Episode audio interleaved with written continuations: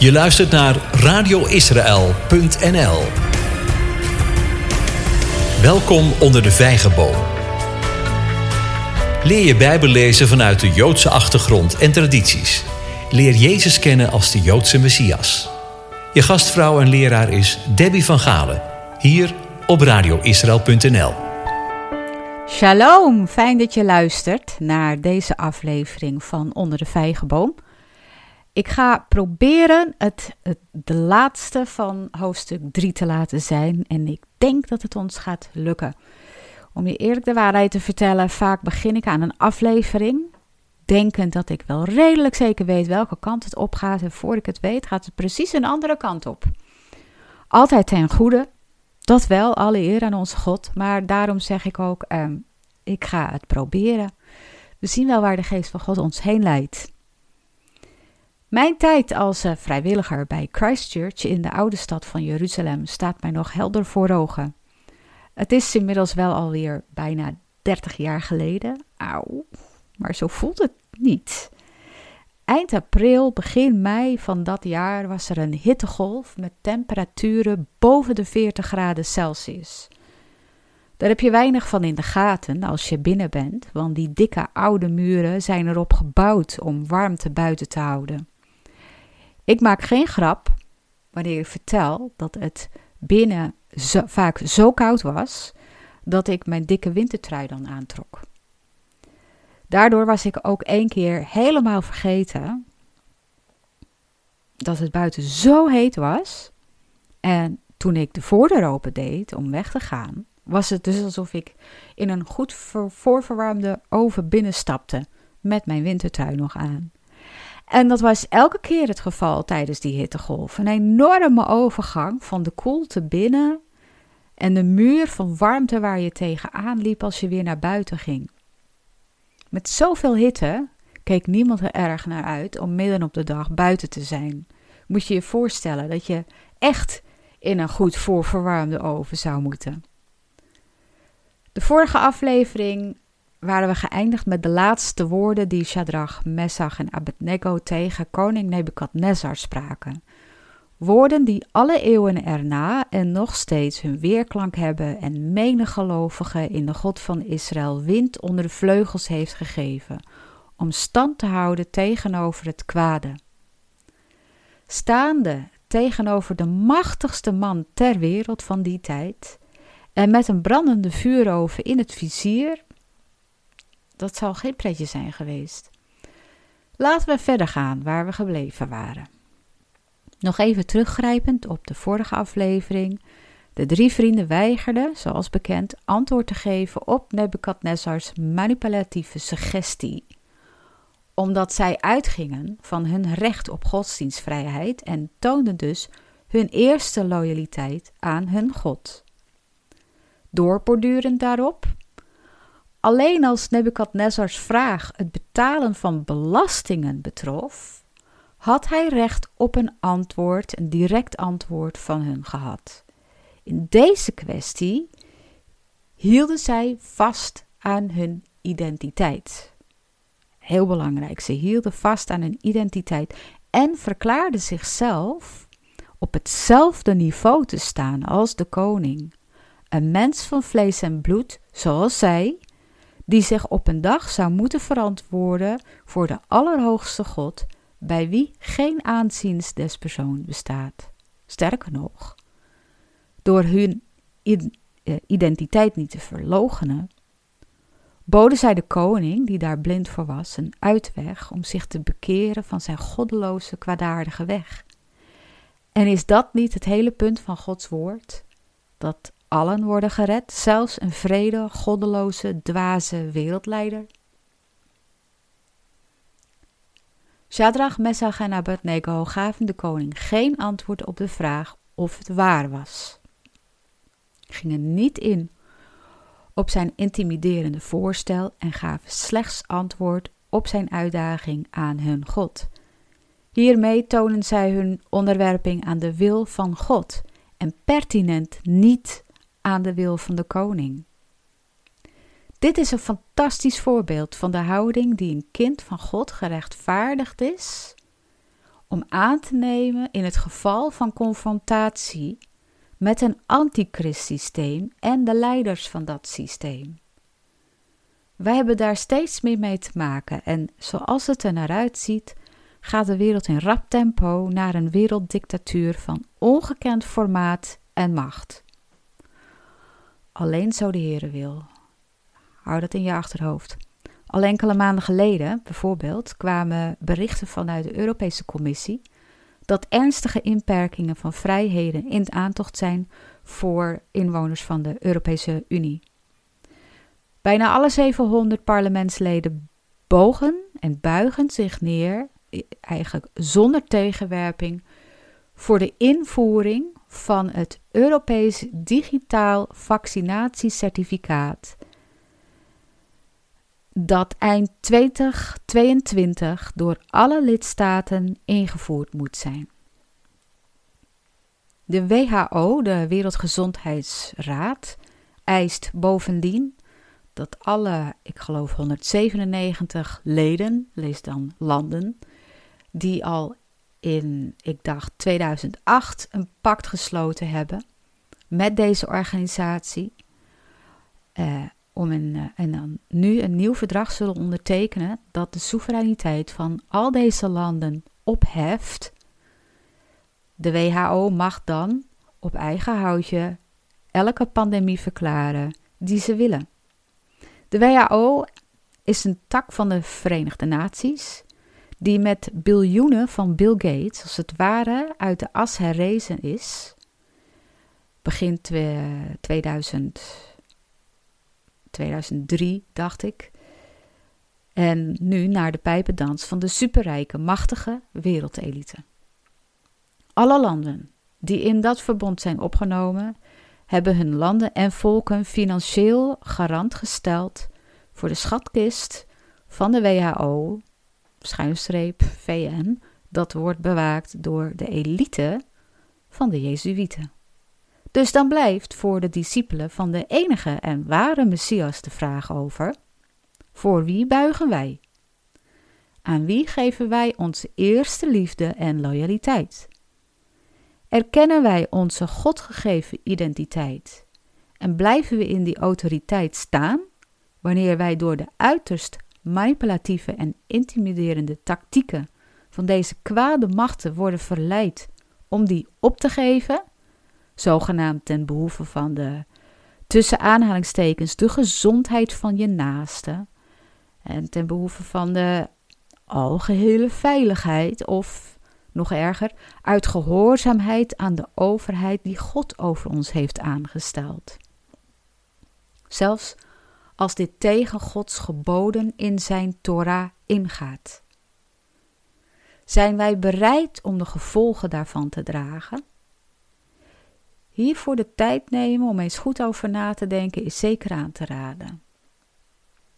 Er is menig christen, dan wel predikant, die teksten als Titus 3 vers 1, Titus 3 vers 1, 1 Petrus 2 vers 13 tot 17, 1 Petrus 2 vers 13 tot 17 en de welbekende Romeinen 13, vers 1 tot 7, Romeinen 13, vers 1 tot 7 aanhaalt, om de volgelingen van Jezus te manen onderdanig aan hun overheden te zijn en die in alles zonder kritische opmerkzaamheid te gehoorzamen.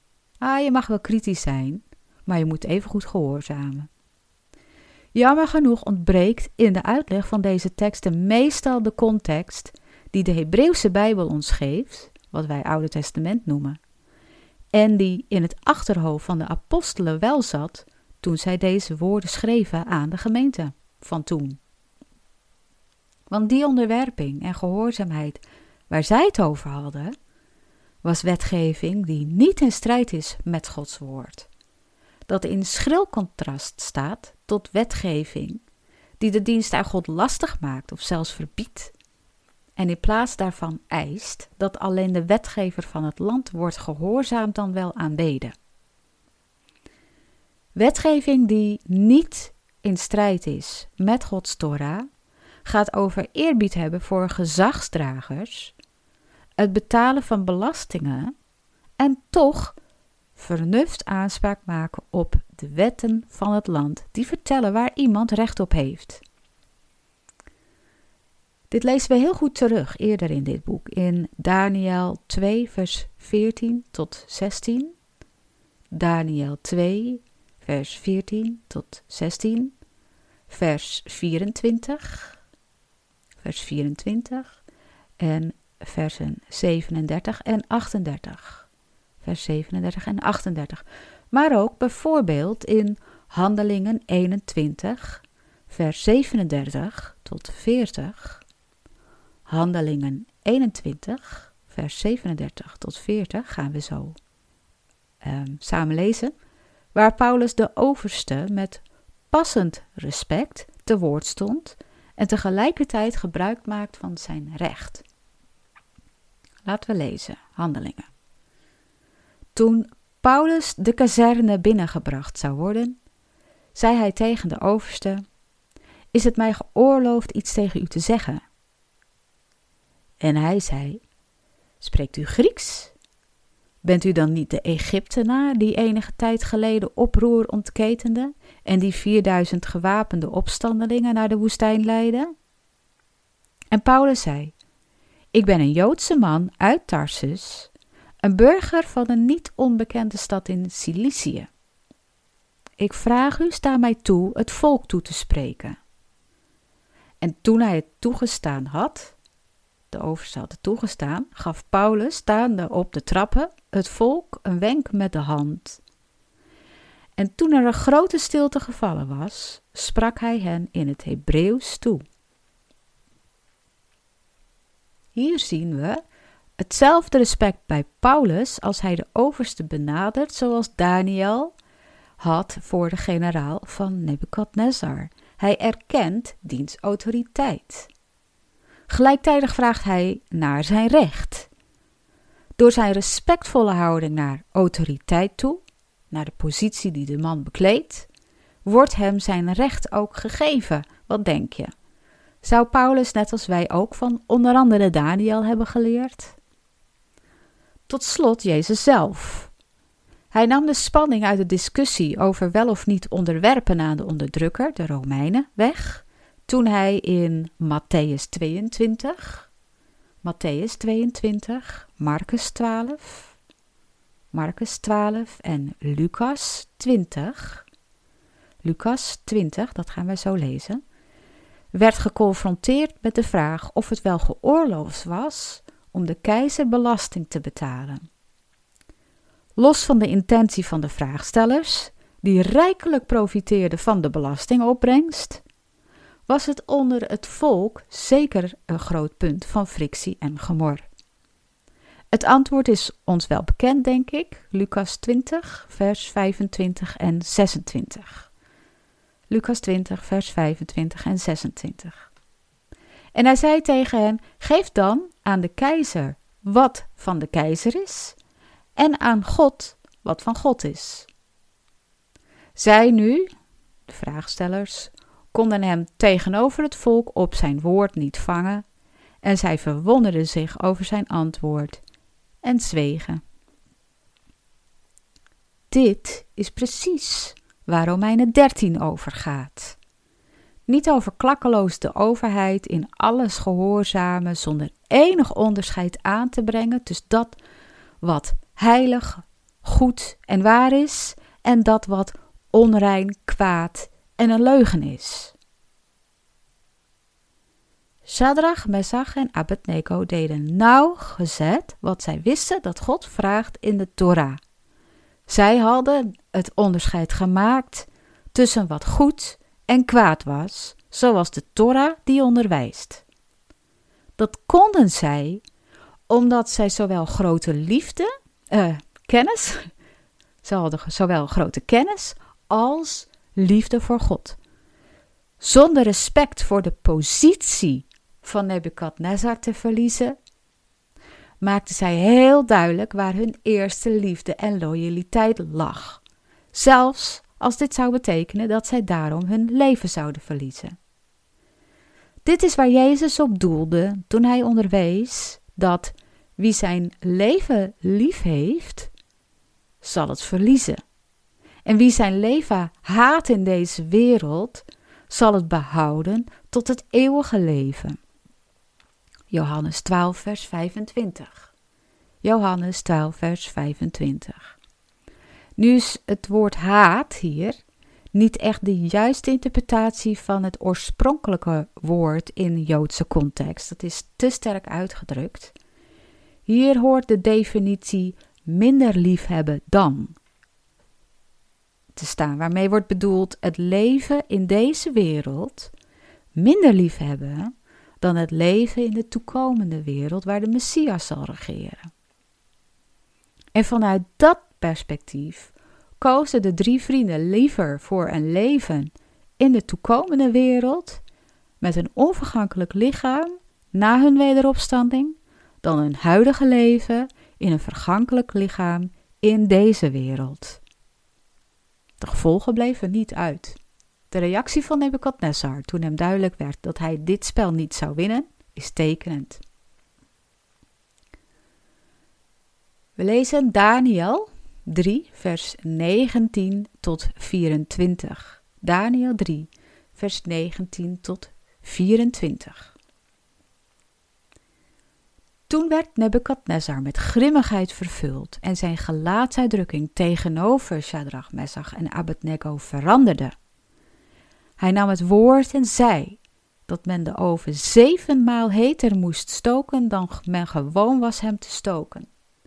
Enkele mannen, de sterkste mannen uit zijn leger, beval hij dat zij Shadrach, Mesach en Abednego moesten binden om hen in de brandende vuuroven te werpen.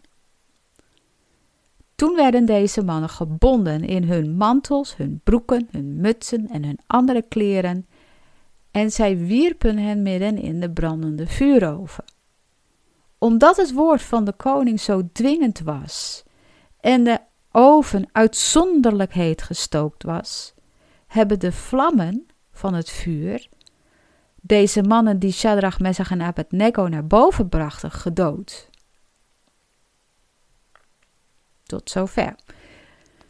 Nebukadnezars gezicht ging van valse vriendelijkheid naar een paar ogen die met woede gevuld waren en een grimmig eh, gezichtsuitdrukking. En zo keek hij hun aan. Er gaf luid bevel om de oven zevenmaal heter dan normaal te stoken. Waarom zeven? Het was zijn antwoord op de claim die Shadrach, Messach en Abednego hadden gemaakt over hun almachtige God, dat hij in staat zou zijn om hun te verlossen uit de hand van de koning. Laat maar zien hoe almachtig deze God is. Een soortgelijke situatie zien we ook terug in 1 Koningen 18, vers 32 tot 38. 1 Koningen 18, vers 32 tot 38, waar Elia een altaar voor de Heer bouwt op de berg Karmel, om het volk te confronteren met de almacht van hun God en de machteloosheid van de afgoden van de kwade, dwaze koning Agab. In de oudheid, en zo ook Nebukadnezar, gingen de heidenvolken ervan uit dat de natuur onafhankelijk van andere bovennatuurlijke krachten stond. Dat het zelfs tegenwerking eraan kon bieden. Men dacht dat onder de juiste omstandigheden het zelfs mogelijk zou zijn en was om de krachten van het natuurlijke samen te bundelen of te versterken, om de krachten van het bovennatuurlijke, dat wil zeggen hun goden, te overheersen. Door de oven zevenmaal heter te stoken dan normaal, ging Nebukadnezar ervan uit dat de krachten van de god van Shadrach, Messach en Abednego samengebundeld zouden moeten worden om dat te overtreffen en dat daar tijd voor nodig was. Daarom zette Nebukadnezar vaart achter de uitvoering van zijn bevel.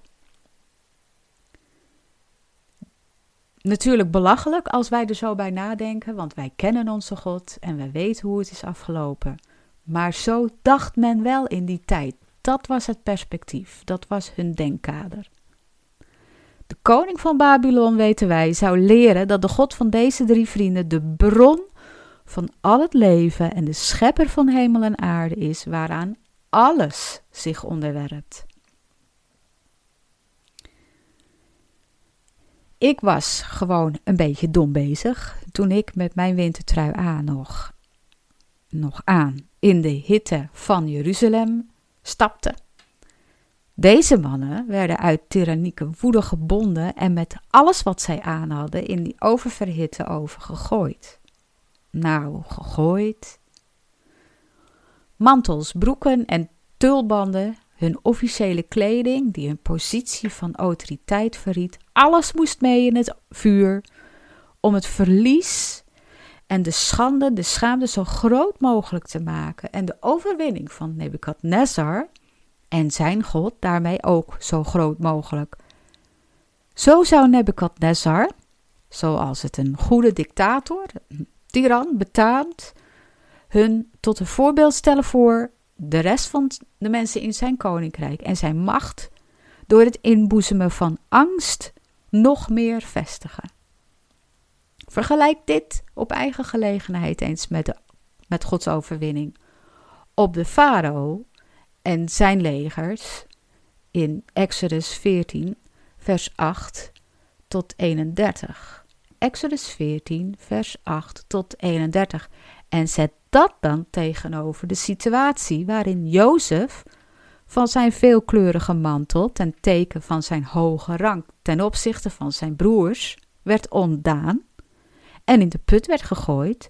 En zet dat ook eens tegenover de vernedering die Jezus doorstond toen hij van zijn kleding, die hem herkenbaar maakte als rabbi, werd ontdaan en uiteindelijk zonder enige bedekking werd gekruisigd om de schaamte compleet te maken. In het zuidwesten van de Verenigde Staten waait regelmatig de beruchte Santa Ana winden. Een hele hete, droge, feunachtige wind die zo krachtig is dat het complete vrachtwagens, die 18-wheelers worden genoemd daar, op de weg omver kunnen, uh, kan blazen. Ik heb ze talloze keren op de weg zien liggen met zulk weer. Als daar ergens in die contraien een vuur ontstaat, niet zelden opzettelijk gesticht door pyromanen, is dat het begin van het bosbrandenseizoen. Ik heb er wel eens eerder over verteld in een van mijn eerste afleveringen. En ook het Nederlandse nieuws besteedt er wel eens aandacht aan. Elk jaar weer gaan duizenden hectaren, hectares bos en struikgewas in vlammen op. En niet ongebruikelijk zijn de evacuaties van hele dorpen en grote delen van steden. De lucht is niet te harder dan. Alles is bedekt onder de as. Ademen doet pijn op je luchtpijp in je longen en alles stinkt. Die stank gaat aan je haren, je huid en in je kleren zitten. In de wijde omtrek is er geen ontkomen aan. De airconditioning kan niet aan, hoewel het hartstikke heet is binnen, want dat brengt stank van buiten naar binnen. Dus ook binnen weet je, door de aanhoudende warmte, niet waar je het zoeken moet. Dus wel wat anders dan die dikke oude muren van Jeruzalem. Ik heb ze zelf ook wel eens meegemaakt, die branden. Maar nooit zo dichtbij dat we moesten evacueren. Mijn zoon en schoonouders een paar jaar geleden wel, zelfs midden in de nacht. Een hele enge situatie was dat. Gelukkig konden hier in Nederland op dat moment ook veel mensen in gebed op de bres gaan staan voor hun.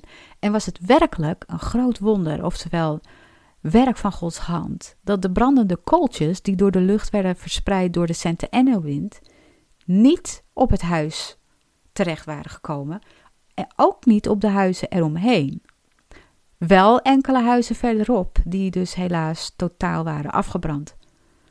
Bovendien was er gebeden dat God de wind zou doen liggen. En dat gebeurde ook. Binnen een half uur nadat ik iedereen hier in Nederland had gebeld met de vraag te bidden, was de brand daar bedwongen en was het huis van mijn schoonouders veilig, net als de huizen eromheen. Wat een getuigenis was dat om te vertellen. En het gaf mij, mijn zoon en iedereen die zo intens had gebeden een enorme boost om ons vertrouwen op de God van hemel en aarde, die alle natuurelementen beheerst, te stellen. De God van Daniel, Ganania, Michel en Azaria beschermde mijn zoon en schoonouders en de directe omgeving erbij. Wat doet dat met je als je daar even stil bij staat? Dan verklaren we dit met intense dankbaarheid tot een groot werk van Gods hand. Wat we lezen in ons gedeelte van Daniel 3 is het summum van Gods ingrijpen, toch? Laten we verder lezen in Daniel 3. Daniel 3, vers 23 tot 26. Vers 23 tot 26. Maar toen deze drie mannen, Shadrach, Messach en Abednego, gebonden midden in de brandende vuuroven gevallen waren, sloeg koning Nebukadnezar de schrik om het hart. Haastig stond hij op, nam het woord en zei tegen zijn raadslieden: Hebben wij niet drie mannen gebonden, midden in het vuur geworpen? Zij antwoordden en zeiden tegen de koning: Jazeker, o koning. Hij antwoordde en zei: Zie, ik zie vier mannen midden in het vuur vrij rondlopen. Ze hebben geen letsel en de aanblik van de vierde lijkt op die van een zoon van de goden. Toen kwam Nebukadnezar in de nabijheid van de deur van de brandende vuuroven. Hij nam het woord en zei: Shadrach, Messach en Abednego, dienaren van de Allerhoogste God, ga naar buiten en kom hier. Daarop gingen Shadrach, Messach en Abednego uit het midden van het vuur. Wauw. Het is opvallend dat er staat dat de drie Joden in het vuur vielen en niet erin waren geduwd of gegooid. De eerste indruk die we daardoor krijgen was dat het vuur zo heet was dat hun beulen door de hitte waren gedood voordat ze de kans kregen om de executie uit te voeren. Staat ook dat de vlammen hun doden. En toch, waarom hield God hun val in de oven dan niet tegen en gebruikte hij de dood van de beulen niet als hun ontsnappingsmethode. Dat had gekund. Maar in plaats daarvan liet hij toe dat ze in het vuur vielen. Een van de grootste leiders van de Joodse gemeenschap in de 20e eeuw was Rabbi Menachem Mendel Schneerson. In een verzameling van zijn overdenkingen die hij had genoteerd staat ook de volgende observatie. Er zijn wonderen die de natuurwetten overtreden alsof ze er niet toe doen. Zelfs dwazen begrijpen dit soort wonderen. Er zijn ook wonderen die enig denkwerk en aanvullende overdenking vergen. Hmm, ja, hier gebeurde iets ongebruikelijks. Ten laatste zijn er ook wonderen die zo groot zijn en zo onmogelijk, dat alleen God zelf ze als zodanig begrijpt. Dit soort wonderen gebeuren dagelijks en op elk gegeven moment. Een leuke vraag. In welke categorie valt deze uitreding van de drie vrienden, denk je? En voordat je antwoordt, ik durf te stellen dat je antwoord afhangt van de relatie die je met God hebt. Dat bepaalt het perspectief waarvanuit je de wereld en Gods handelen daarin begrijpt en interpreteert. Door de extreme hitte van het vuur duurde het een tijd voordat de vrienden en de vierde man zichtbaar werden voor de koning. Er staat overigens nog iets opvallends. De koning merkte de vierde man op. We lezen niet dat de overige aanwezigen dit ook zagen. Het werd de koning gegeven een blik te werpen in de verzengende hitte van de oven, waarvan de vloer zich onder de grond bevond. Daarvan zijn, zijn genoeg restanten gevonden in archeologische opgravingen om ons te vertellen hoe dat er ongeveer moet hebben uitgezien. En daaruit kunnen we concluderen dat de koning een dimensie te zien kreeg die normaliter voor mensen ogen verborgen wordt gehouden door God. In de ogen van Nebukadnezar en later de overige autoriteiten vond er een wonder in een wonder plaats. Het eerste wonder was dat het vuur niet werd uitgedoofd, maar zijn kracht behield. En het wonder erin was dat Ganania, Michel en Azaria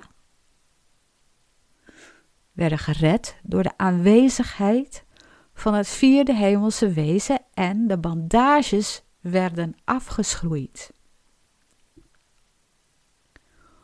Hoe kon Nebukadnezar de vierde man herkennen als een zoon van de goden of zoon van God? Daarvoor gaan we even naar Jesaja 37 vers 36 tot 38. Jesaja 37 vers 36 tot 38.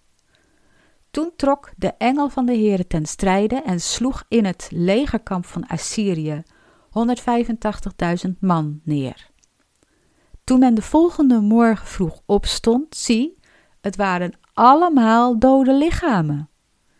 Daarop brak Sanherib, de koning van Assyrië, op. Hij trok weg en keerde naar zijn land terug. Hij bleef in Nineveh. Het gebeurde nu, toen hij zich in het huis van Nisroch zijn god neerboog, dat Adramalech en Sarazer, zijn zonen, hem met het zwaard doden. Zij ontkwamen naar het land Ararat. En Esarhaddon, zijn zoon, werd koning in zijn plaats. Volgens Joodse traditie was Nebukadnezar een van de weinigen die dit op het hoogtepunt van zijn koningschap zich nog kon herinneren. Hij was daarbij. Vlak na deze gebeurtenis viel Nabopolassar, de vader van Nebukadnezar, Nineveh binnen en verwoestte de stad. Nineveh. Korte tijd later trad Nabopolassar af en werd Nebukadnezar koning. Bezoeken van en ingrijpen door hemelse wezens die wij engelen noemen, zoals u weet, komen vaker voor in de Hebreeuwse Bijbel en in het Nieuwe of Tweede Testament. Te denken valt bijvoorbeeld aan Abraham, die bezoek kreeg van drie, waaronder de Heere zelf, zoals later bleek. De eigen vorm van engelen is etherisch, ijl en nauwelijks tastbaar. Om die reden zijn zij alleen zichtbaar in een menselijke gedaante voor een persoon of personen, als het hun door God gegeven is om te zien. Er zijn nog meer voorbeelden hiervan. In onder andere komt er een hele rits. Nummer 22, vers 22 tot 31. Nummer 22, vers 22 tot 31. Lucas 1, vers 11 tot 22.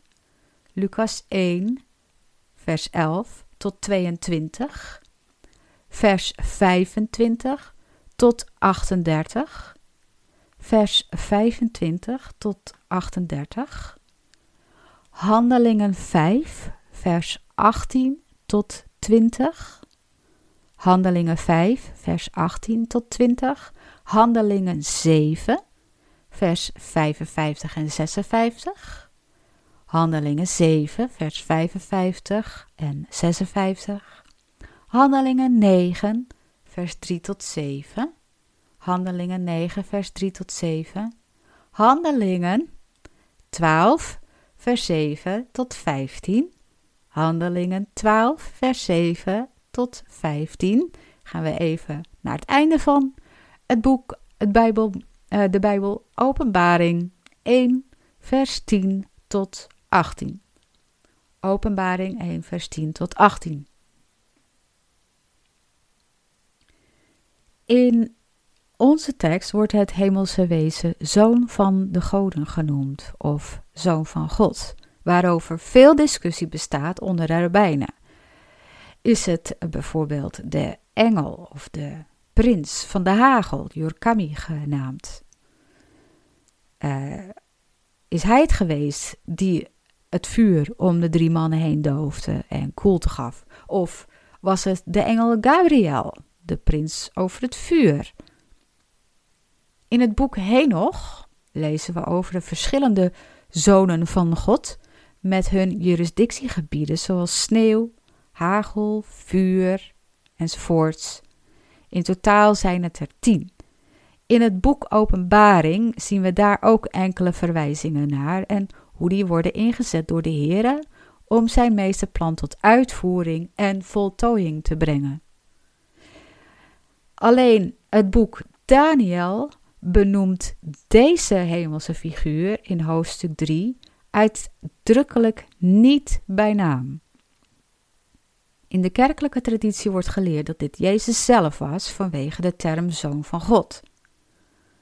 Maar in de gevallen waar hij verschijnt in de Hebreeuwse Bijbel, wordt hij ook geduid als Heere of Yud-He-Vav-He. Niet meteen, maar gaandeweg wordt dat duidelijk. Denk bijvoorbeeld aan de worsteling van Jacob bij de beek Jabok. Wie de hemelse figuur in Daniel 3 is, wordt niet verteld en dat zegt ons een paar dingen. Om te voorkomen dat Nebukadnezar of enig ander mens een ander bovennatuurlijk wezen, anders dan God, de God van Ganania, Michel en Azaria zou erkennen en eren, is er een ingrijpen van Gods wegen nodig, waarvan de methode en middelen alleen aan Hem voorbehouden zijn en alleen tot Zijn beschikking staan. De simpele reden is dat het ons verstand te boven gaat en ons tot waanzin of afgoderij zou drijven.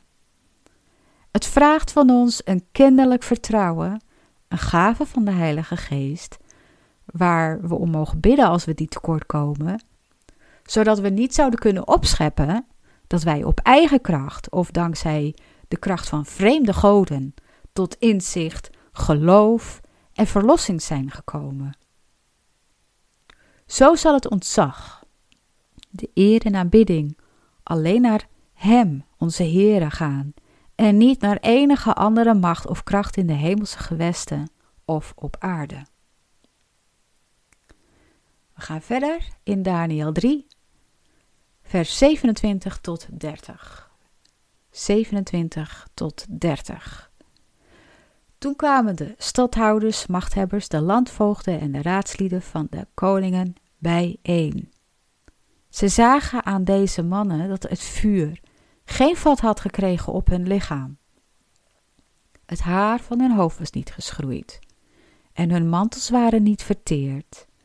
Ja, er hing zelfs geen brandlucht aan hen. Nebukadnezar nam het woord en zei: Gelooft, zei de God van Shadrach, Messach en Abednego, die zijn engel heeft gezonden en zijn dienaren heeft verlost, die op hem hebben vertrouwd, het bevel van de koning hebben weerstaan en hun lichamen hebben overgegeven, omdat zij geen enkele God wilden vereren of aanbidden dan hun God. Daarom wordt door mij een bevel uitgevaardigd dat elk volk, elke natie of taal die lasterlijke dingen zegt over de God van Shadrach, Messach en Abednego in stukken zal worden gehouden. Typisch weer het tiran en dat zijn huis tot een mesthoop zal worden gemaakt. Want er is geen andere God die zo redden kan. Toen maakte de koning Shadrach, Messach en Abednego voorspoedig in het gewest Babel. Die geur, of eigenlijk het ontbreken ervan, dat was het ultieme bewijs dat het vuur deze drie godvrezende mannen door goddelijk ingrijpen geen enkele impact op hun had gehad. Ja, hun haar was niet geschroeid en hun kleren niet verteerd. Ze kwamen er dus ongeschonden uit. maar dat zou nog gezichtsbedrog kunnen worden genoemd. Dat er zelfs geen geur van vuur en verbranding aan hun hing, maakte het tot een niet te ontkennen bewijs dat, om met de woorden van Rabbi Schneerson te spreken, er een groot wonder was gebeurd dat de natuurwetten had ontkracht om zelfs dwazen ervan te overtuigen, niets kan op tegen de almacht van de God van Shadrach, Messach en Abednego, die, hun, uh, die hem trouw geweest zijn, verlost had uit de hand van machtige koningen en red van de vernietigende werking van de natuurwetten. Het gevolg was inkeer, berouw en bekering van deze tiran, de machtigste man van de toenmalige wereld, die op het hoogtepunt van zijn macht was. Niet alleen bekering van zijn uitvoering, van zijn plan om de wereldgeschiedenis naar zijn hand te zetten, door het opstellen van het gouden beeld en daarmee in opstand te komen tegen God. Het was ook bekering tot erkenning van zijn verlies en het verlies van zijn God. Hij had de superieure meester van de wereld, de God over alle goden, uitgedaagd en moest in hem zijn meerdere erkennen. Niet alleen dat, hij erkende zijn fout en bevestigde de correctheid van de ongehoorzaamheid door de drie Joodse bestuurders aan hem. Terecht hadden zij in zijn ogen hun eerste loyaliteit aan hun God verklaard, want die was tenslotte als de grote overwinnaar uit het duel met zijn God uit de bus gekomen. Hij was vol bewondering over het feit dat de drie vrienden zo'n groot vertrouwen in hun God hadden, dat het hun in staat had gesteld om zich zelfs vrijwillig met hun lichamen aan Hem over te geven uit gehoorzaamheid aan Zijn wil. Dit vertrouwen was geworteld in het geloof dat slechts hun vergankelijke lichamen in gevaar waren, maar zeker niet hun zielen.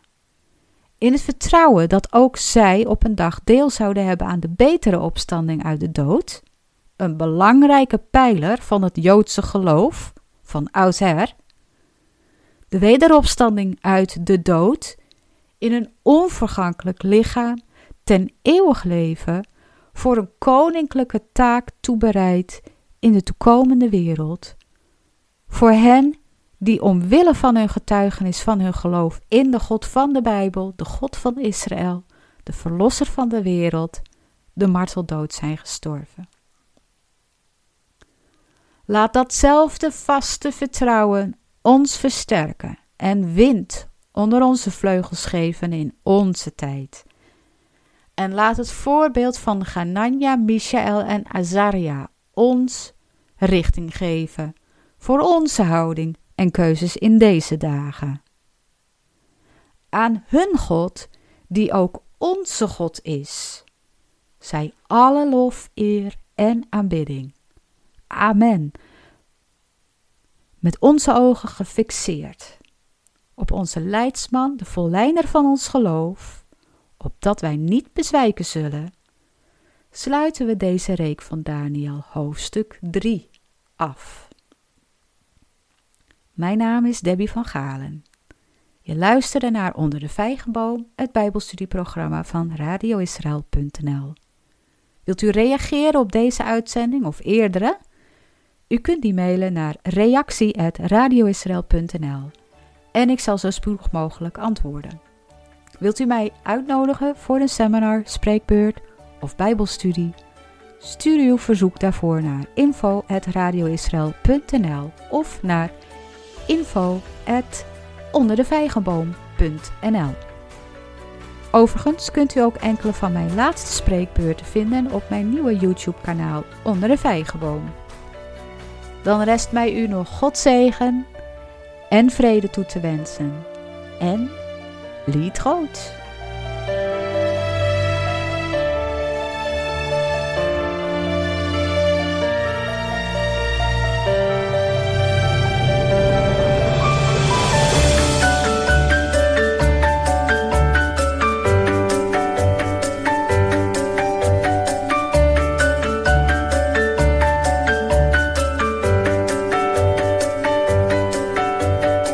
Je luistert naar radioisrael.nl.